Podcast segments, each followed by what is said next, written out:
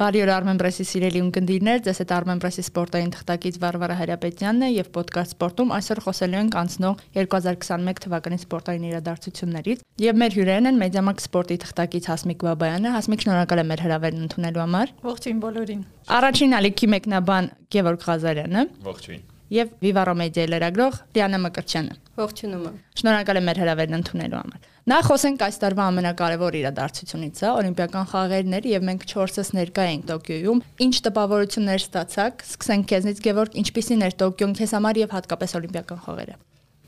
Մենք բազմիցս խոսել ենք այդ թեմայով եւ իմ կարծիք հայտնել եմ։ Բավարարված չեմ կազմակերպչական իմաստով ու մի քիչ զարմացած եմ, որ իրանք այդքան անհյուրընկալ էին, քանի որ ինքս ամեն ճապոնականի երկրպագու եմ, բայց պարզվեց, որ պետք է ճապոնյան հերվից սիրել եւ ոչ թե տեղում։ Գլխավոր մեղադրանքը սա այն է, որ եթե հասարակությունը պատրաստ չէ նման մասշտաբային իրադարձություն ընդունել եւ կորոնավիրուսի պատճառով նրանք ցանկանում էին սահմանափակումներ այդ խիստ լինեին, ապա ավելի լավ էր չկազմակերպել։ Լիարա, ինչ տպավորություն ստացաք դուք, հա, առաջին անգամն եք օլիմպիական խաղերում։ Շատ ճիշտ եք Վարվարա, այդպես առաջին անգամ էի ու համեմատելու ոչինչ որպես այդպեսին չունեմ ու հակառակ կարծիքն ունեմ ընդհանուր առմամբ։ Ի տարբերություն Գևորգի շատ տպավորված եմ ճապոնացիներով ու նրանց հյուրընկալությամբ։ Կամավորները շատ էին մեզ օգնում, մշակույթը շատ առանձնահատուկ էր, իսկ այդ վերաբերմունքը, որի մասին Գևորգը խոսեց, դա կարծում եմ ազգային առանձնահատկություն էր։ Իսկ եթե վերցնենք ընդհանուր կազմակերպվածությունը եւ թե ինչու կայացավ Ճապոնիայում, որոշվել էր, որ Օլիմպիական խաղերը անցկացվելու են Ճապոնիայում նախքան կորոնավիրուսի համաճարակը, ու այստեղ թե Օլիմպիական կոմիտեն, թե Ճապոնիայի ղեկավարությունը որպես այդպիսին ընտրություն չունեին եւ ստիպված էին անցկացնել այնպես, ինչպես կարող էին։ Հասմիկ դուք բախտ եք ունեցել լինելու նաև Ռիո Օլիմպիական խաղերին, հա, հիմա նաև համեմատության եզր ունեք։ Ռիոն տարբերվեց, որովհետև կային երկրպագուներ, ինչպիսի առանձնահատկություն ուներ ձեզ համար երկու խաղերն էլ։ Նախ առանձնահատկություն ասելով ես մարզիկների նվաճումների տեսանկյունից եմ դիտարկում տարբերությունները։ Իհարկե Ռիոն անմոռանալի էր, աննկարագրելի էր, երբ որ դուք աչքով տեսնում ես թե ինչպես է հայ մարզիկը նվաճում օլիմպիական ոսկե մեդալ, երբևէ կյանքում նման զգացողություններ կամ կլինեն կամ չեն լինի, դա միանշանակ։ Իհարկե Ռիոն գունավոր էր, վառ էր, պայծառ էր, արևոտ էր, էմոցիոնալ էր, այդ առումով առանձնացավ, իսկ Տոկիոն ես էլ եմ Լիանայի հետ համամիտ, որ ինձ համար էլ առանձնացավ, ես չնկատեցի ճապոնացիների մարզիկների այդքան անհյուրընկալությունը հակառակը ես համոզվել էի, այլ կարծիք ունեի, որ չշփվող են, չօգնող են, բայց տեղում բոլորովին այլ պատկերի ականատես եղա։ Նրանք իրենց ջերմությունը, իրենց հույզերը այլ կերպ են արտահայտում եւ դա շատ ավելի իմ կարծիքով գեղեցիկ է, այն որ ամեն անգամ նրանք խոնարհվում են նույն կամավորները, կարող ես օրը մի քանի անգամ անցնել նրանց կողքով եւ նրանք չեն զլանում, խոնարհվում են, այնքան մեծ հարգանքի նշան է, այնքան զգացված ես լինում եւ դու էլ պարտադիր ուզում ես բոլորին նույն կերպ պատասխանել։ Մարզական տեսանկյունից հա խոսելով մենք Ռիոյում ունեցանք օլիմպիական ոսկի 20 տարի անց, բայց Տոկիոն մեզ համար միայն արծաթե էր, հա։ Լիանա, ինչ ես կարծում, ինչն էր մեր բաց թողումներ, որն էր այն, չգիտեմ, խոցելի օղակը, որ մենք չկարողացանք շտկել մինչև Տոկիո։ Օլիմպիական խաղերը մենք գիտենք բոլորս, որ մյուս մրցաշարերից տարբերվում են ու այստեղ բավական չէ, որ դու լինես ուժեղագույնը, նաև պետքա հոգեբանորեն պատրաստ լինես ու կարծում եմ, որ տրամադրվելու եւ հոգեբանական խնդիրներ ունեին մեր այն մարզիկները, որոնցից ոսկե մեդալ էին կնկալում։ Նաև սպորտում, ինչպես գիտենք, մեծ տեղ ունի հանգամանքները ու հենց այդ բախտ ասվածը ու առանց դրա հնարավոր չէ ու այստեղ կարելի ասել մեր բախտը չբերեց, մենք մեկ օրում կարող ենք մի քանի ոսկե մեդալ մեդալ նվաճենք, բայց ոչ մի ոսկե մեդալ, դա հենց բախտն է։ Գևորգ, մեր հիմնական ակնկալիքներ հիմնականում Սիմոնից էր Մարտիրոսյան, Արթուրից էր Ալեքսանյան եւ ինչ որտեղ նաեւ բռնցքամարտիկներից, հա։ Ինչ ես կարծում, որն էր այն թերությունը, հա, որ ըմբիշները եւ ցանոթները չկարողացան այսպես հավաքվեին, ուժեր ներածին չափով անեին այն, ինչի ունակ են իրականում իրենք կդժվարանամ պատասխանել, քանի որ ի սկզբանե կարծում եմ, որ մեդալային հավաքնությունների մեջ բռնցքամարտը մտցնել մի քիչ ես օրինակ կդժվարանայի։ Դա գեղեցիկ անակնկալ էր։ Այն ինչի ասա Հովանես Բաչկովը, բայց ես օրինակ շատ լավ հիշում եմ, որ մեդալային հավաքնություններ մենք ունենք մեր ազատ ոչայիններից, թե ինչ կլիներ, դա հարցի մյուս կողմն է ինչու չստացվեց, կարծում եմ, եթե համաձայնեմ, մի մասի հետ, ապա ես ավելի ռեալ խնդիրներ եմ հիշում, օրինակ նույն Սիմոնը, որը տրամադրվելու հետ ոնց հասկանում եմ արդեն խնդիր ունի, երբ որ հստակ մրցակից ունի իր քաշային կարգումը, որ որ իր իսկ սահմանած ռեկորդները նաև գերազանցում է եւ խնդիր կար հենց օրինակ նույն ազատ ոչի հավաքականի հետ, որը ուշ էր ժամանել, փաստացի եկեք բացահայտենք թե ինչ խնդիրներ ա եղել, Արսեն Հարությունյանը չէր կարողանում քնել, հա տղան երկու գիշեր չի կարողացել քնել, երկու հատ քնաբերան թունել եւ դուրս ա եկել մրցակցորք ինքը ասեց, որ ես չէի կարողանում շարժվել, առաջին իսկ պարտությունից հետո միանգամից ինքը գնացել է ու քնել ասեց, ես ուղղակիորեն սպառված է, ես չէի կարողանում։ Դա այն խնդիրներ են, որոնք որ եղել են, այո, մեդալներ պետք է լինեին, ավելի բարձր հարկի մեդալներ պետք է լինեին, բայց չեղան, կարծում եմ այսքանով էլ կարելի է բավարարվել, պարզապես հաջորդ անգամվա համար պետք է հաշվի նստենք, որ նման բաներ են տեղի ունենում, պետք է հավաքական ավելի շուտ գնա, ակլիմատիզացիա լինի, մարդը կարողանա քնի նվազագույն Հասմիկ, դուք նաև տեսել եք թե ինչ շրջան անցան մարզիկները Ռիոյում, այսինքն բավականին շուտ էին ժամանել Ռիոյում եւ այդ նույն, չգիտեմ, հարմարվելու խնդիրը չունեցան, արդյոք դա միայն հարմարվելն էր, ճիշտ ժամանակին ժամանելն էր, թե այնուամենայնիվ հոգեբանությունը մեծ դեր խաղաց։ Կնշեմ, որ Ռիոյում միանշանակ բոլորը չէ, որ շատ շուտ էին ժամանել, նույն հունահռոմեական ոճի հավաքականը ժամանեց մրցումներից մի քանի օր առաջ, Արթուրը ընդամենը մի քանի օր էր եղել Ռիոյում, նույնը Միհրանը եւ շատ արագ նրանք կարողացան եւ հարմարվել եւ մեդալներ նվաճել։ Իրականում օլիմպիական խաղերի պես մրցումներում լավագույնը լինելու կամ գոնե մեդալ նվաճելու համար պետք է հարյուրավոր հանգամանքներ միատեղվեն։ Ֆիզիկականից բացի շատ կարեւոր է հոգեբանականը, որովհետեւ օլիմպիական խաղեր գնում են բոլոր երկրների գրեթե լավագույն մարզիկները։ Նրանք անցնում են նույն ֆիզիկական ֆիզիկական պատրաստվածությունը, նույն մարզումները, այստեղ ավելի կարևոր դեր է խաղում արդեն զուտ հոգեբանական վիճակը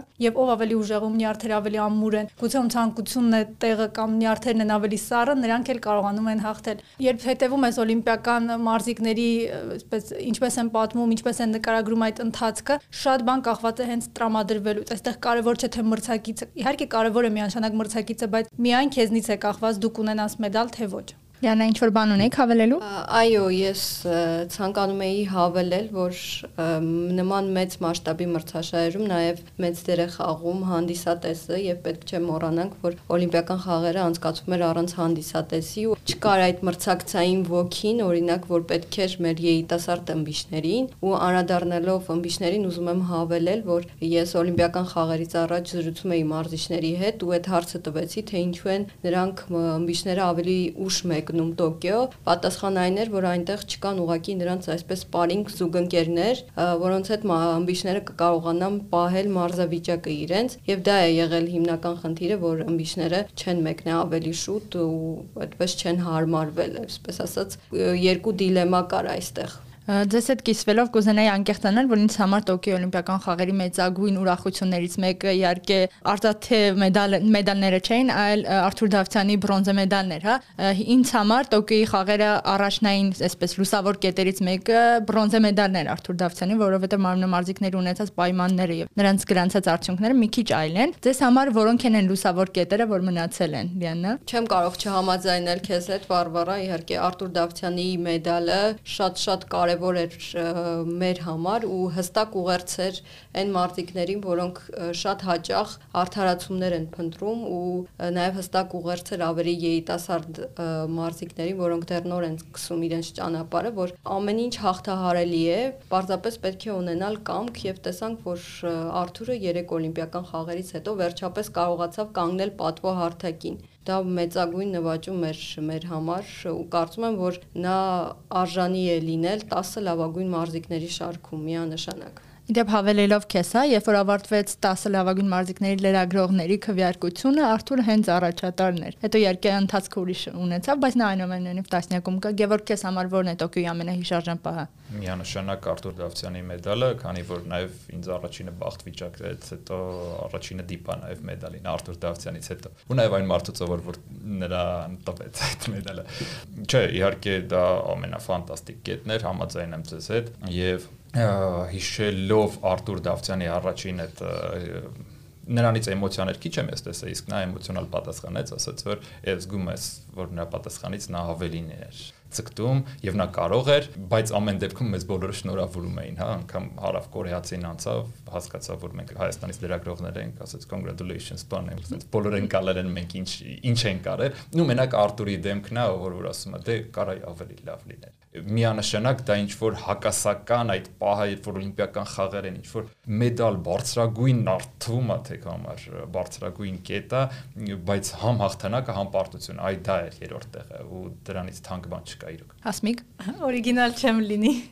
Իհարկե Արթուր Դավթյանի մեդալներ նախ այն առաջինն էր Տոկիոյում Արթուրը նվաճեց։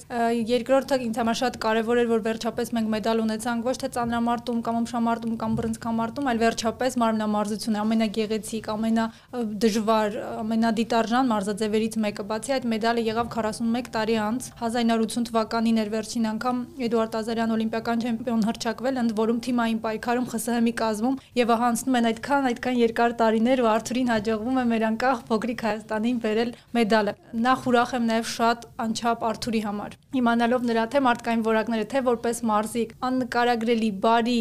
շփվող, կազմակերպված, շատ փորձությունների միջով անցած, չհանձնվող, երեք խաղեր ինչպես Լիանան նշեց, քիչ չէ, դու ամեն խաղերի գնում ես ինչ որ ակնկալիքներով, քեզ դրսևորելու, ինչ որ բան սովորելու եւ Արթուրը մինչեւ խաղերն է, երբ խոսում էինք նրա աչքերից, նրա պատասխաններից զգացում էր, որ հիմա է այն պահը եւ ուրախ եմ, որ այնքան ողջևորված է, որ արդեն ասում է, ինչու ոչ, Փարիզում էլ ես կփորձեմ եւ կաշխատեմ մեդալ նվաճել եւ տա Աստված այդ մեդալը ոսկե լինի, նա առավել քան արժանի է։ Հա, շարունակելով ձեր խոսքը, հա, ասմիկ, այո, երբ որ վերադարձավ Տոկիոից եւ մամուլի ասուլիս ուներ, առաջի հարցը, որ տվեցինք, արդյոք տարիքը արդեն բավականին մեծ է շարունակելու ես, շատ խանդավառ եւ ողջևորված, ասում էր, այո, Փարիզի օլիմպիական խաղերին եւս գնալու եմ, այնպես որ 3 տարի ունենք։ Ես կուզենայի ձեր կարծիքը լսել մեր բրոնզկամարտիկ Հովանես Բաչկովի մասին, հա։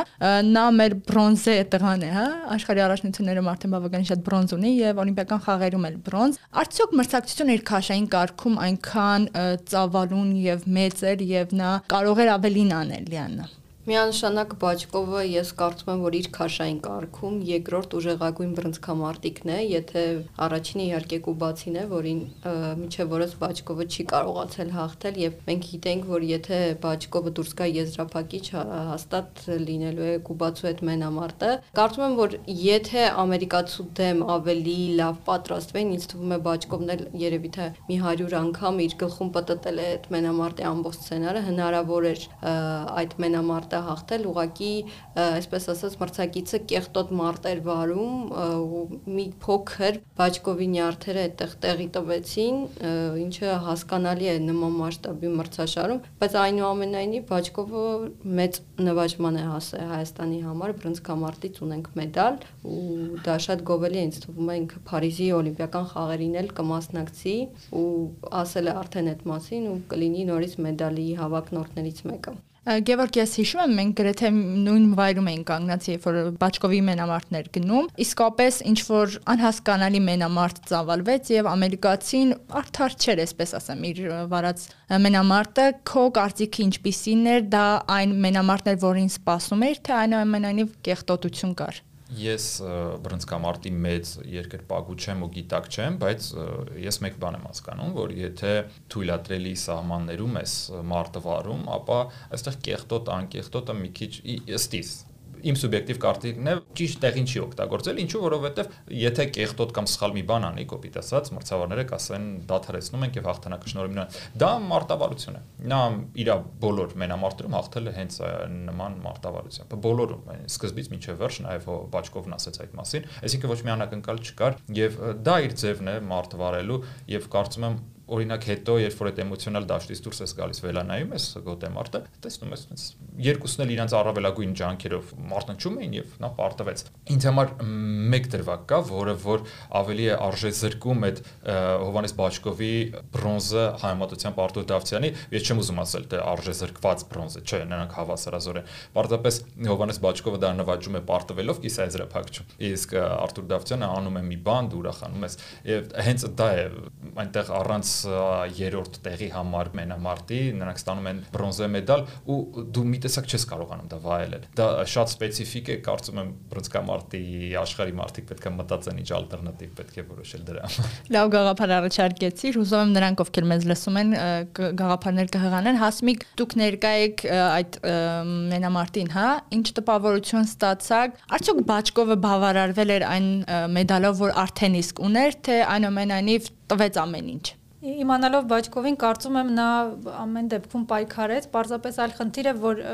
ուղղակի ոճերով չկարողացան հասկանալ Բաչկովը, այսինքն թելադրող ամերիկացիներ նա ասում էր ես այսպես եմ մենամարտում եւ կամ ընդունիր իմ կանոնները կամ թելադրիքոնը, որոնք ավելի ուժեղ կլինեն։ Եվ ուղղակի Բաչկովը չկարողացավ գտնել հակահարվածը, նրա չգտավ բանալին ինչպես մոտենալ եւ դա էր երևի թե պատճառը, որ նա զիջեց, բայց ուրախ եմ ես Բաչկովի համար, որ նա էր մասնակցել էր օլիմպիական խաղերի, չէր ստացվել ու նախորդ խաղերի համեմատ հսկայական ահռելի աճ արձանագրել այս տարիների ընթացքում Եվրոպայի չեմպիոնել է դարձել աշխարհի առաջնությունից արդեն երրորդ մեդալը նվաճեց։ Նա միանշանակ այն մարզիկներից է, որոնք գուցե եւ ոսկի չեն բերում, գուցե եւ չի ստացվում արծաթ, բայց ստաբիլ են, կայուն են, գիտեն իրենց հնարավորությունները եւ մի քիչ ավելացնելու, մի քիչ ավելի լավ աշխատելու դեպքում հաստատ ավելի բարձր կարգի մեդալներ կկարողանան նվաճել։ Մենք ամբողջ տարվա ընթացքում միասին գրեթե ամեն ինչ լուսաբանել ենք, հա 2021-ն արդեն ավարտվում է, որն է այն իհարկե օլիմպիական մեդալները չհաշված, որն է այն կարևոր նվաճումը, որ գրանցել է հայկական սպորտը այս տարվա ընթացքում։ Կանանցնաստեմ Մալխա Սամոյանի չեմպիոնությունը իհարկե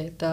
օլիմպիական խաղերում ունեցած մեր հաջողություններից հետո ամենամեծ նվաճումներ մեզ համար, որ Մալխա Սամոյանը վերջապես կոտրեց այդ անհաջող եզրափակիչների շղթան ու կարողացավ եզրափակիչում հաղթել ու արդեն հայտարարել իր մասին ըմշամարտի աշխարհում։ Կարծում եմ, որ հիմա արդեն հենց այս պահին ընթանում է Հայաստանի առաջնությունը, որտեղ Մալխա Սամոյանը մասնակցում է 77 կիլոգրամ քաշային կարգում, որը արդեն օլիմպիական է ու հենց Օլիմպիական խաղերից հետո շատ խորհրդանշական էր, որ Մալխասը հաղթեց ու այսպես նշмарվեց Օլիմպիական խաղերի ոսկին։ Ես իհարկե Սիմո Մարտիրոսյանից հետո իմ մեղավորություններ զգում եմ ու երբեք ոչ մի մարտիկից այլևս ոսկե մեդալ չեմ ակնկալելու, այսպես ասած չեմ սպասելու, բայց ինձ թվում է Մալխասը միանշանակ իր խոսքը ասելու օլիմպիական խաղերում Փարիզի։ Գևորգ քեզ համար? Շատ բացահայտ կլինի ասել, համաձայնել, բայց այո, Մալխասամյանը գլխավոր հպարտություններ տարվա, ամբողջ տարվա ընթացքում մենակ աշխարհի առաջնությունը չէր այնտեղ Եվրոպա, Եվրոպայի երիտասարդներ, աշխարհի երիտասարդներ, կարծես թե տղան ինչ որ տրամադրվել էր ամբողջ տարվա ընթացքում ինչ հնարավոր է ոսկի հաղթել։ Դա մի կողմից, բայց թերևս տարվա գլխավոր անակնկալ հաղթանակը իմ համար դա Օբերստորֆում մեր գեղասահորդների հաջողություններ, ոնց որ կան դասական ինչ որ մարզաձևեր, որտեղ միշտ մեդալներ են լինում, ու սենց կան մեկ կողքից սենց պայծառ ինչ որ սենց վառվում են, ու ես այդ պայծառ հրավառության փոքրիկ երկրպագ ունեմ, ու միշտ դա դուր է եկել ինձ տարիներ առաջ, ինչպես Էդգարի հետ Ստեփանյան եղավ, ցավոք Էդգարը արդեն Հայաստանում չէ։ Եվ ըստ իս նման անունները եթե մենք շատ չենք արծարծում, հետո մենք այդ մարզիկներին տենց էլ կորցնում ենք։ Եվ ես կարծում եմ նաև մեր լրագրողական համայնքի պարտականություններից մեկն է հա միշտ նրանց մասին խոսել, ողջևորել լուսաբանել, որ իրանք հասկանան, որ իրանք մոռացված չեն, իրանք մեդալ անգամ 4 տեղը, 3 տեղը, չգիտեմ, դա իրոք կարևոր գժական նվաճում է, չգիտեմ, այլ բառ չեմ ուզում գտնեմ ասել։ Շատ լավ եք բնութագրում, հասմիկ ձեզ համար իհարկե Ռոման Ամոյանի ասելու Մալխաս Ամոյանի չեմպիոնությունը, որովհետև նա այս տարվա մեր միակ աշխարհի չեմպիոնն էր, մենք այլ չեմպիոններ չունեցանք, ոսկիների առումով տարին այդքան էլ հարուստ չէր ու Մալխասի նվաճումը այդ առումով իհարկե առանձնանում եմ։ Ինձ համար շատ կարևոր էր, շատ սպասված էր հուզիչ էր Էլինա Դանիելյանի չեմպիոնությունը Եվրոպայի շախմատում։ Ի վերջո մենք նաև կանանց սպորտում շատ-շատ ենք զիջում, ես ինչի համար միշտ ցավում եմ, փորձում եմ հասկանալ, որն է պատճառը, ախր հետ մեր կանայք խելացի են, ակտիվ են, չգիտեմ, բան իմացեմ, բայց երբ որ հարցը գալիս է սպորտին ու ֆիզիկական ինչ որ խնդիրներ լուծելուն, արդեն մենք սկսում ենք զիջել։ Այդ առումով էի շատ ուրախ եւ իհարկե Դավիթ Չալոյանի համար եմ անչափ ուրախ, չեմ կարող նկարագրել միշտ նրա մասին խոսելիս այսպես բացահայտում էր, կարողացավ միանգամից աշխարհի առաջնությունում իրեն դրսևորել։ Ես կարծում եի անգամ կարող էր աշխարհի չեմպիոն դառնալ, հաշվի առնելով իհարկե հանգամանքները ռուս էր մրցակիցը, այնտեղ շատ հանգամանքներ կային, որոնք խանգարեցին նրան, բայց միանշանակ Դավիթը ինձ համար գրեթե աշխարհի չեմպիոն չեմպիոն եմ եւ Գևորգի հետ չեմ կարող չհամաձայնվել այն առումով, որ ես միշտ ցավում եմ, որ ինչու մենք պետք է ունենանք հաջողություններ 4-5 մարզաձևերում։ Մենք ունենք հսկայական քանակության ֆեդերացիաներ, բայց հատկապես թիմային մարզաձևերը, որոնք շատ թույլ են մեզ մոտ զարգացած։ Նույն շատ ցավում եմ, որ ֆուտբոլի հավաքականը չկարողացավ։ Մենք իհարկե խոսում ենք անհատական, բայց երկրի դեմքը միշտ հանդիսանում են թիմային ձևերը, եթե ունես լավ բասկետբոլ, ունես վոլեյբոլ եւ իհարկե ֆուտբոլ։ Մենք ֆուտբոլային առումով վերջին տարիներին էլ շատ-շատ ենք սկսել ենք զիջել, իհարկե ինչ որ պահի հույսեր են արթնանում, շատ արագ ողջևորվում ենք, բայց տարվա ամենամեծ բացթողումներից մեկը իհարկե հա, ֆուտբոլի հավաքականի համար եմ շատ տխրել, իհարկե օլիմպիական ոսկիների բացակայության համար եմ տխրել, այն որ Լիանան նշեց Սիմոն Մարտիրոսյանին, երևի բոլորս ժամանակից շուտ ֆավորիտ էինք համարում, արդեն ոսկին տեսնում էինք, դե Արթուր Ալեքսանյանի համար եմ ցավում, որ շատ կուզեի երկրորդ մեդալը բերել, բայց նա ամեն դեպքում արդեն ունեցավ օլիմպիական 3 մեդալ, ոսկի արծաթ բրոնզ, ինչի համար իհարկե շնորհավորում եմ ու պետք չէ այդքան տխրել։ Մի խոսքով բոլորին շնորհավորում եմ, թող մյուս տարի շատ ավելի լավ հանդես գան, մարզաձևերի աշխարհագրությունը մեծանա, քանակը փորձեն իրենց լավ դրսևորել եւ հուսանք մենք միայն ուրախ կլինենք եւ կլուսաբանենք։ Կուզենայի նաեւ մեր ունկնդիրներին հիշեցնել, հա, տարվա ամենակարևոր եւ զգացմունքային պահերից մեկը ապրիլի 24-ին Արթուր Դավթյանի Եվրոպայի չեմպիոն դառնալն էր, հա, պիտի խոստովանեմ, որ Արթուրը ինձ ստիպեց հուզվել, նաեւ արտասվել, որովհետեւ ով ինչ ուզում է ասի, այդ օրը հայերի համար մի քիչ բացառիկ է եւ նման նվաճումը պետք է որ լավ տպավորվի բոլորից մոտ։ Ես կուզենայի որ մենք խոսենք մեր մեծագույն կորուստներից մեկի մասին, հա, Լևոն Արոնյանը որոշեց այլևս հանդես չգալ Հայաստանի դրոշի ներքո եւ ներկայացնում է ԱՄՆ-ն արդյոք սա նոր հիասթափության ալիք կարող է առաջացնել շախմատիստների մոտ եւ գուցե հակառակ էֆեկտ ունենա Այո, կարող է առաջացնել ու ոչ միայն շախմատիստների մոտ, ինձ թվում է, որ պետությունը պետք է սկսի ավելի մեծ ուշադրություն դարձնել հայկական սպորտին եւ ոչ միայն խոսքերով, այլ նաեւ գործով, որ տեսնում ենք մենք բազմիցս համոզվել ենք, թե ինչքան խոսքեր են ասվում, բայց շատ քչերն են կատարվում, իրականություն դառնում։ Այսօր մեր շատ մարզիկները, ես գիտեմ, որ առաջարկներ ունեն արտասահմանյան այլ երկրներից ու շատ ավելի շահավետ կրկնակի, երակի, քարակի, հնգակի, ավելի բարձր աշխատավարձով, բայց նրանք նախընտրում են հավատարիմ մնալ Հայաստանին ու կարծում եմ, որ ժամանակն է եկել գնահատելու մանավանդ այս օրերին, երբ մենք անցանք նման դժվար ժամանակների միջով ժողովրդին հիմա ողջևորում են հենց մարզիկները ու թող այսպես ասած շաբլոն չհնչի, բայց մեզ հիմա հաղթանակներ են պետք ու մենք պետք է բոլորս պետական մակարդակով եւս տենք այն մարկանց, որոնք կարող են բարձրացնել մեր ոգին։ Գևորգ, քեզ համար ուզելու եմ հակադարձել պարզապես միշտ ոչ միանշանակ եմ վերաբերվել Լևոն Արոնյանի կերպարին զուտ օրինակ նրա համար որ ինքը միշտ փակ է եղել լրագրողների համար հիշում եք որևէ մեկը օրինակ մեծ նորմալ հարցազրույց ես էլ չեմ հիշում ինչու նա չի ես ես էլ եմ ունեցել ուղղակի Լևոնը գիտես ոչ թե փակ է այլ շատ տիպիկ շախմատիստ է եթե կարողանաս իր ալիքի վրա մնալ կխոսի բայց Լևոնը համաձայն եմ փակ մարզիկներից է բայց մեր մարզիկների 80%-ը փակ է Գևորգ ծայրահեղ փակ է, նա ըստ իս ծայրահեղ փակ է, ես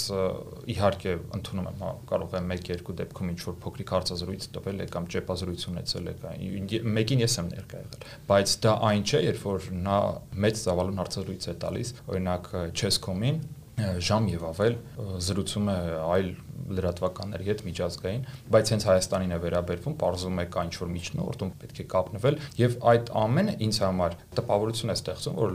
Լևոնը փորձում էր իր շուրջ իր անկալման իրականությունը ստեղծել։ Եվ օրինակ այդ դեպքում ես ուզում եմ հասկանալ նրան։ Եթե արդյոք նա չի նմանվում այն մարդկանց, ովքեր որ Հայաստանից գնում են ու փորձում են իրենց հետևից դուրս շրխկացնել։ Այս պետությունը կարծում այդուհանդերձ իրեն մեծ, շատ մեծ բաներ է տվել շատ-շատ բաներ է տվել եւ կարծում եմ նվազագույնը եթե որևէ մեկի հետ նա ընդհանուր լեզու չի գտել ժողովուրդը գոնե արժանի չէ որպեսի իր քթի դիմաց տենց շրխկացվի դուրը նույն տրամաբանությամբ Ալիռեզա Ֆիրուջան Իրանի ավականից դուրս եկավ չէ եւ նա գնացել է հիմա ներկայացնում է Ֆրանսիան եթե չեմ սխալվում նույն կերպ չեն ընկալել Իրանում որովհետև նա հստակ պատճառ ունի իսրայելցի ամեն շախմատիստի դեմ խաղալուց նրան պարտադրում են որպեսզի նա դուրս չգա եւ պարտվի ամեն ինչ հստակ բացատրություն ունի եւ ես կուզենայի նա օրինակ հայ լրագրողների հետ զրուցեր ազնևորեն պատասխաներ մեր հարցերին եւ հետո ես օրինակ կասկանայի արդյոք նրա որոշումը դա ազնիվ է ճիշտ է թե դրա տակ կասկածելի բազմաթիվ այլ հանգամանքներ են թաքնված Շնորհակալություն, Հասմիկ, ինչ կասես դու։ Գևորգի հետ միանշանակ չեմ համաձայնվի հարցազրույցներ չտալու առումով, որովհետև ես այս ոլորտում բավական երկար եմ, մոտ 10 տարի, եւ այդ 10 տարիների ընթացքում չի եղել մի դեպք, երբ դիմեմ մեծ ընդգրկում ծավալուն հարցազրույցի համար կամ անգամ երբ որ դիմել են միաժամանակյա պարտիաներ անցկացնի երեխաների հետ, չգիտեմ, վետերանների հետ, տարբեր առիթների միշտ բաց եղել։ Չգիտեմ որն է պատճառը, որ չեն ստացվել ձեր փոխհարաբերությունները։ Հենց այս ամռանը, երբ որ կայացրեց որոշումը, որ հեռանալու է Հայաստանից, դրանից երևի 1 կամ 2 ամիս անց մեր լրատվամիջոց հյուր եկավ, մոտ 2 ժամ նստեցինք, խոսեցինք, հետո էլ բավական խոսեցինք, քննարկեցինք, պատճառաբանել է, ասել է, այլ հարց է, որ ես որպես մարդ ու լրագրող ոնց եմ վերաբերվում այդ երևույթին։ Իհարկե, երբ որ առաջին եղավ հայտարարությունը ու པարզ էր, որ հեռանալու է, ես նախ որպես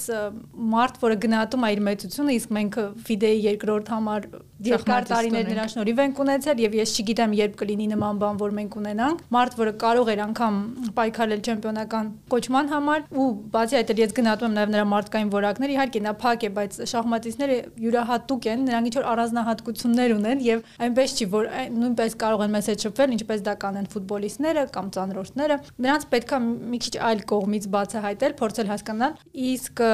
նա որոշում միանշանակ ինքն է կայացրել։ Կարող է ինչպես գնալ, այնպես էլ չգնալ։ Gunnel. Ինչպես ինքն է երկրին շատ բան տվել, նվաճումներ, հաղթանակներ, այնպես էլ երկիրը հսկայական ահռելի ներդրումներ է արել, որpիսի կանան այն հաջողությունները, որ եղել են։ Ինքը իր հերթին Լևոնն էլ Հայաստանին, այսպես այն պահը չի, որ ասենք ով ում համար ավելի շատ արել, պարզապես նման մեծ մարզիկ կորցնել, իսկ մենք չունենք շատ համաշխարհային ճանաչում ունեցող մարզիկներ, միանշանակ ցավալի է, շատ վատ է, բայց հույս ունեմ վատ ազդեցություն չի թողնի մյուսների վրա, որովհետև ես էլ գիտեմ, որ անգամ Արթուր Ալեքսանյանը նրա կարգի մարզիկներ երկրները միշտ ունենում են առաջարկներ այլ երկիր ներկայացնելու, բայց նախընտրում են մնալ։ Դա արդեն իրենք իրենց եսի, իրենց երկրի առաջ են պատասխանատվություն կրում։ Հույս ունեմ կմնան, կշարունակեն ստեղծագործել, արարել, հաղթել այս երկրում, որովհետև մենք նրանց կարիք առավել քան երբևէ շատ ունենք։ Այո, Հայաստանը, այո, Լևոն Արոնյանի դեպքում ինձ թվում է կամուրջները այրված չեն, ու հնարավոր է որ նա նորից մի օր գա եւ ներկայացնի Հայաստանը հուսադրելով հա ինքներս մեզ նաև ասեմ որ շախմատային շատ հետաքրքիր սերունդ է աճում իդեմս Հայկ Մարտիրոսյանի, Մանուել Պետրոսյանի, Շանթ Սարգսյանի երիտասարդներ են, բայց վստահ եմ որ գալու է մի օր որ ունենալու են գրեթե այն նույն օլիմպիական հավաքականը, որ դարձավ 3 անգամ օլիմպիադայի չեմպիոն, հա։ Նայելով առաջ 2022-ին նախ կուզենամ ձեր կարծիքը լսեմ ազգիր լիգայի վիճակահանությունից Հայաստանի ֆուտբոլի հավաքականի շանսերից Եվ ըստ ձեզ ինչ պիտի տա Հայաստանի հավաքականին ազգերի լիգայում խաղալը։ Ազգերի լիգան եւս մեկ շանս է հայտնվելու Եվրոպայի առաջնությունում եւ կարծում եմ, որ շատ իրատեսական է, այսինքն մրցակիցները հաղթահարելի են ու պետք չէ մոռանալ, որ ազգերի լիգանում օրինակ ես կարծում եմ, որ Ուկրաինայի հավաքականն է միանշանակ որակավորման փուլերով ուղեգիր կվաստակի եւ եթե օրինակ մենք զբաղեցնենք երկրորդ տեղը, play-off խաղ անցկացնելու իրավունքը մեզ կփոխանցվի, քանի որ Ուկրաինան որակավորման փուլերով արդեն անցել է։ Ես կարծում եմ, որ դա կլինի իդեալական սցենարը։ Իհարկե այնտեղ կա Շոտլանդիայի հավաքականը, որ ինչպես գիտենք մենք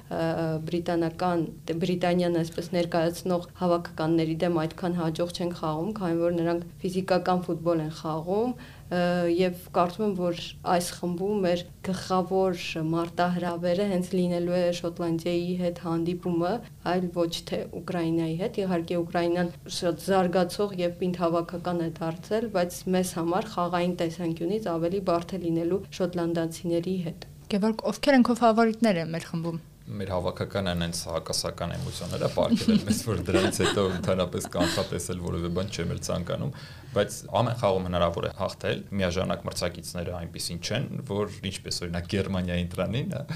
եւ ես տեսնում եմ մեր հաղթա հաղթանակները այս խմբում, բայց որ դա կարող է օգնել, որ մենք երկրորդ տեղ բռնենք, մի քիչ չէ։ Մի քիչ ես միշտ կասկածամիտ եմ, բայց ավելի լավ ինձ համար, գոնե հետո երբ որ լավ արդյունք է լինում, ես կրկնակի ուրախանում եմ։ Եվս մեկ կարևոր բան, որ ես կցանկանայի ես անցնող տարվա համար ընդգծել, դա երևի կոնֆերենցիաների լիգայի խաղարկությունն էր, որը ոնց որ մեծ եվրոպական ֆուտբոլի եկավ Երևան, բայց պարզվեց Երևանը չէր ուզում այդ ընդհանրապես այդ լիգան, այդ խաղարկությունը։ Կամ դեռ պատրաստ չէր մեր ակումբային ֆուտբոլը։ Ես թերևս հենց դեպի դայի տանում. Վարվարա, այո, Երևանը եւ հայ ֆուտբոլասերը երևաց, որ իր համար նախ եւ առաջ մեծ եվրոպական ֆուտբոլը դա միայն չեմպիոնների լիգան է եւ իր համար տենց մի քիչ ավելի ստորադաս ֆուտբոլը դա իրենց հա կոպիտ ասած իրենց համար չէ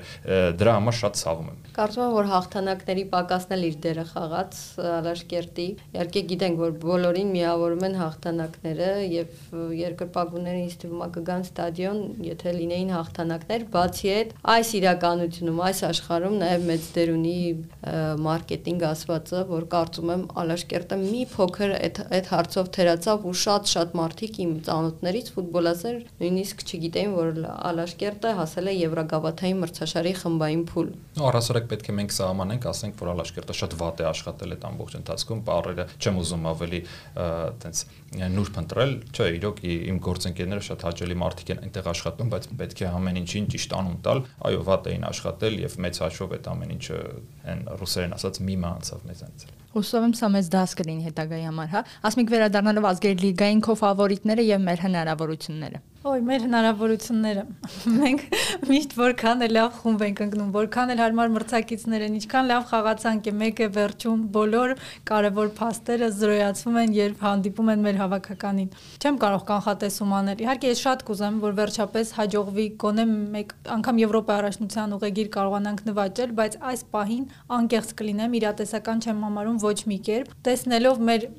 մնացած հավաքականների տարիքային երիտասարդականները 21 19 ինչ որ առումով ավելի լավ հանդես եկավ, էլիտ ռաունդ անցավ, բայց ես ֆուտբոլային լավ ապագա շատ շուտ չեմ կանխատեսում, կներեք, որ հորհետես եմ։ Հույս ունեմ ինձ հակառակը կապացուցեն ֆուտբոլիստները, բայց այս պահին չեմ տեսնում այդ թիմային միասնական ինչ որ բան, ինչ որ պահի միշտ խանգարում է։ Մենք չունենք ընդգծված առաջատարով կտանի հավաքականը իր հետևից, չունենք խաղային հստակ ձեռագիր, չունենք ինչ որ ամենակարևորը ինձ համար, երբ եթե պարտվեն ու տեսնեմ պայքարեցին, միջև վերջ ինչ ունեին, չունեին, տվեցին, չհանձնվեցին, էլի կընդունեմ նման բաներ եղել են նախորդ ընտրական փուլերում, բայց երբ որ տեսնում ես անհետաքրքիր, չկազմակերպված խաղ, ու ամենաշատը ինձ հիմա ամենաշատը դժգոհ եմ մեր հարցակման գծից։ Մենք միշտ էլ գոլեր շատ ենք բաց թողել։ Պաշտպանությունում խնդիրներ եղել են, բայց այսպիսի անատամ խաղ առանց գոլերի հարցակում վաղուց չէր եղել։ Մենք երևի այսպես չափից ավելի վեր էինք, հա, թռել այդ առաջի 3 հաղթանակներից հետո եւ միանգամից այսպես տապալվեցին գետին ու հասկացանք, որ քայլել պետք է սովորել դանդաղ եւ հետո նոր վազել։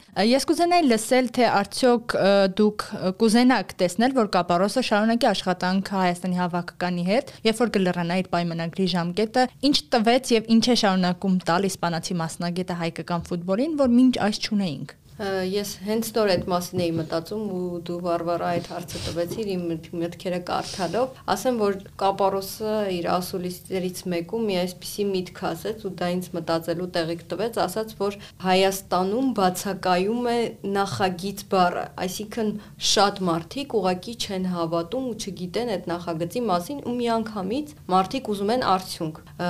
Մարդիկ չեն ուզում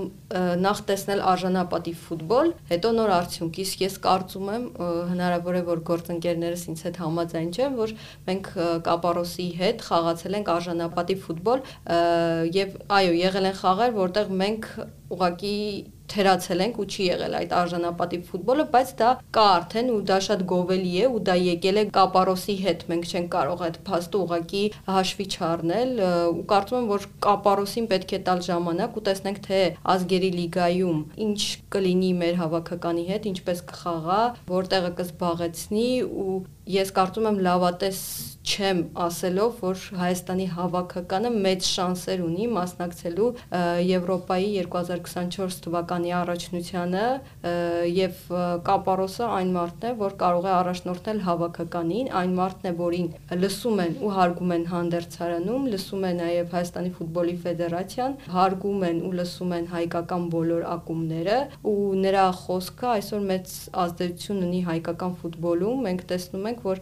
ժամանակ առ ժամանակ ինչ որ արժեքներ են փոխվում, չենք կարող մոռանալ Ժիրա Շաղոյանի օրինակը, որ Կապարոսը նրան շանս տալով հստակ մեսիջ ուղարկեց մեր ակումներին, որ պետք է շանս տալ հայ երիտասարդ ֆուտբոլիստներին ու հիմա Կապարոսը պայքարում է, որպեսզի հայ ֆուտբոլիստները Հայաստանի առաջնությունում ավելի շատ խաղան։ Գևորգ, պետք է մեզ առաջնորդ, ինչպիսին Խոակին Կապարոսն է ազգերի լիգայում եւ ինչու ոչ նաեւ Եվրոպայի առաջնության հնարավոր որակավորումից հետո։ Համաձայն եմ միանշանակ, այո, պետք է, որովհետեւ Խոակին Կապարոսը հեղինակություն է։ Նրա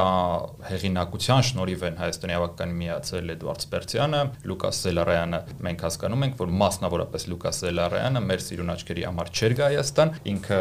երկու անուն է այնտեղ տեսել։ Հենրիխ Մխիթարյան, համաշխարհային կարգի լավ ֆուտբոլիստ եւ մարզիչ Խոակին Կապարոս պարզապես Հայաստանի ֆուտբոլի ֆեդերացիա իր Յան ազգանվան համար ընդհանրապես նա Հայաստան չէր գա որոշ մանրամասներ նաև իմանալով նախկինում նրա հետ բանակցություններից Խոակին Կապարոսը միանշանակ պետք է մնա նա օգնում է հայ ֆուտբոլիստներին դուրս գալ մենք արդեն նման մեկը ունենք երկրորդը կլինի երրորդն էլ կլինի չորրորդն էլ կլինի եւ դա միակ ճիշտ ճանապարհն է որպիսի մենք ունենանք լավ հավաքական Տիգրան Բարսեղյանը պետք է եվրոպական ֆուտբոլ խաղա նա պետք է հասկանա որ Ղազախստան, Մազախստանները դա մեղմ ասած այն չէ ու նա իր մարմինը իր տեխնիկան պետք է ցույց տա Եվրոպայում այնտեղի քննությունը հանձնի այն նոր հետո ինքը կհասկանա որ երբ որ հարցազրույց է տալիս նա իրավունք չունի ասելու որ մի խմբում գտնվելով օրինակ Գերմանիայի հետ մենք ապացուցում ենք որ խմբում ամենալավ հավաքականն ենք կներեք նման արտահայտությունը բոլորս հասկանում ենք ոչ պրոֆեսիոնալ դիտարկում է նման բան չպետք է իրեն թույլ տա։ Մենք երջանիկ ենք եւ բախտ ունենք բարձր գտնվելու աշխարհում ինչ որ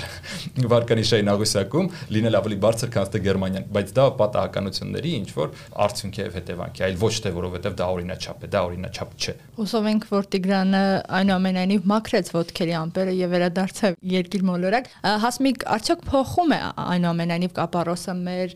մտածելակերպը, մոտեցումը ֆուտբոլին, որ թիմային հնարավոր է ինչ-որ բան անել։ Ինձ դուր է գալիս կապարոսի մոտեցումը, լավատեսությունը, թեթև աշխատելը։ Ինձ թվում է ինքը օգնում է բացահայտել ֆուտբոլիստներին իրենց պոտենցիալը, հավատալ իրենց։ Այդ առումով միանշանակ հսկայական աշխատանք է կատարել կապարոսը եւ կարողացել է հավաքել թիմ, որտեղ օգնում են իրար, հավատում են իրար, խաղում են միմյանց հետ, բայց դա դեռ շատ սկիզբն է։ Հավաքականում հաջողության հասնելու համար ժամանակ է որոշակի պետք։ Առհասարակ ֆուտբոլում, սպորտում միանշանակ այդպես է։ Ինձ դուր է գալիս, որ Կապարոսը շատ հնարավորություն է տալիս անունների հետևից չի ընկնում։ Նույն այն փաստը, որ հրավիրեց Մխիթյանին, չհրավիրեց, նա է մարզիչը ու նա զգացնել է տալիս, որ ես եմ որոշում կայացնողը։ Եթե հավաքականը խաղում է լավ առանց Հենրիխ Մխիթարյանի, կարծում եմ երկրպագուները կարող են իրենց թույլ տալ չմիջամտել ու չասել մարշին հրավիրի, թե ոչ։ Այստեղ երբեք կասկածի տակ չի դրվում Մխիթարյանի հեղինակությունը, խաղը, անունը գուցե նա փորձում է տեսնել, թե առանց Մխիթարյանի ինչպես կդրսևորի հավաքականը իրեն, ինչպես իրենց կդրսևորեն ֆուտբոլիստները, գուցե հայտնվի մեկը, որը իր հետևից կտանի հավաքականը, իսկ ունենալ հավասարազոր ուժեղ մի քանի խաղացող շատ ավելի լավ է, քան մեկ ընդգծված շատ տարբերվող ֆուտբոլիստ։ Ես այդպես եմ կարծում, ելի եմ նշում Հենրիխ Մխիթարյանի որակների ու մասին, ոչ մեկ չի կասկածում նրա որակները Կարծում ժամանակ պետք է տանք կապարոսին, պետք է տեսնենք ինչ կստացվի։ Ես միայն մեկ հարցում եմ դժգոհ կապարոսից, այդ մասին իհարկե կնշեմ, որ նա շատ քիչ է խոսում հայկական լրատվամիջոցների հետ, փոխարենը մենք նրա բոլոր մտքերը, կարծիքները, վերլուծությունները լսում ենք, չգիտեմ ինչու իսպանական մամուլից, Սևիլիայից, դա ես որպես լրագրող անընդունելի եմ համարում, ինչու, որովհետև ես մի քանի անգամ եղել են դեպքեր, ես էլ մեր լրատվամիջոցից էլ մենք դիմել ենք, խնդրել ենք, փորձել ենք, բայց չի ստացվել ստացվել։ Անկամ ընտրական մրցաշարի ամիջապես ավարտից հետո պարզվեց նա արդեն Իսպանիայում է։ Մենք կարծում եմ արժանի ենք լրագրողներով բոլորս, որպեսզի նա պատասխանի մեր հարցերին։ Ես կարծում եմ նա պատրաստ կլինի, բայց թե ինչու չի անում, դա չգիտեմ։ Շատ եմ ուզում, որ այդ բացը հետագայում լրացնենք։ Ես համակարծիք եմ քեզ հետ հասմիկ եւ 2022-ը արդեն մոտ է, բացի մանկական Եվրատեսիլից, հա, ինչ մեծ իրադարձություններ են սպասվում մեզ եւ ինչ սպասել երկրպագուն, ինչ սպասի Հայաստանում եւ ինչ ակնկալիք ունենա մանկական Եվրատեսիլը իհարկե շատ սպասված է ու Մալենայի հաղթանակը նույնպես շնորհավորում եմ դրա առիթով իսկ 2022-ը հերթական անգամ կլինի այսպես ճանապարհ դեպի հաջորդ օլիմպիական խաղեր հույս ունեմ որ 2022-ին կլինեն նոր դեմքեր ու ինչպես Գևորգը ասաց նոր մարզաձևերից կտեսնենք մեդալակիրներ դա շատ կարևոր է մեզ համար ու կարևոր է նաև այս առումով պետության կողմից կատարվող աշխատանքը որպիսի աջակցություն ազդեցությունը ավելի մեծանա փոքրիկ ֆեդերացիաներին, որpիսի նրանք շանս ստանան ավելի շատ մրցումների մասնակցելու, հավաքներ կազմակերպելու համար, ինչի առիթով վերջերս Կարեն Գիլոյանը հայտարարեց, որ նախկին բյուջեն վերականգնվելու է ֆեդերացիաներին, դա իհարկե գովելի է եւ կուզենամ, որ դա շատ ավելի մեծանա,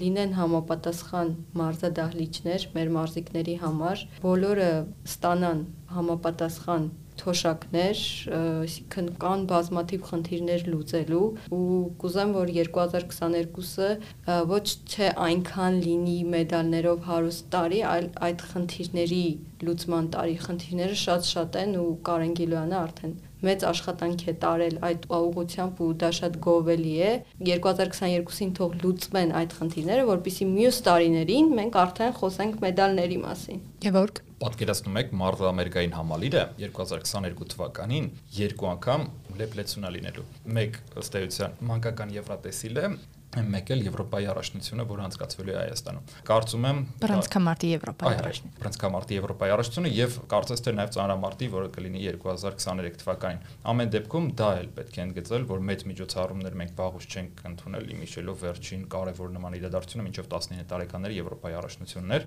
եւ պետք է իրոք պետք է մենք մեր ենթակառուցվածքները շտկենք, բերենք միջազգային չափանիշների եւ այդ ուղղությամբ հատկապես 2022 թվականից մեծագույն սպասելիքս դա բռնցքամարտի Եվրոպայի առաջնությունն է։ Իսկ մեդալների ինչպեսի ակնկալիք ունես Գևորգ։ Կդժվարանամ ասեմ, թող զարմացնեն մեզ։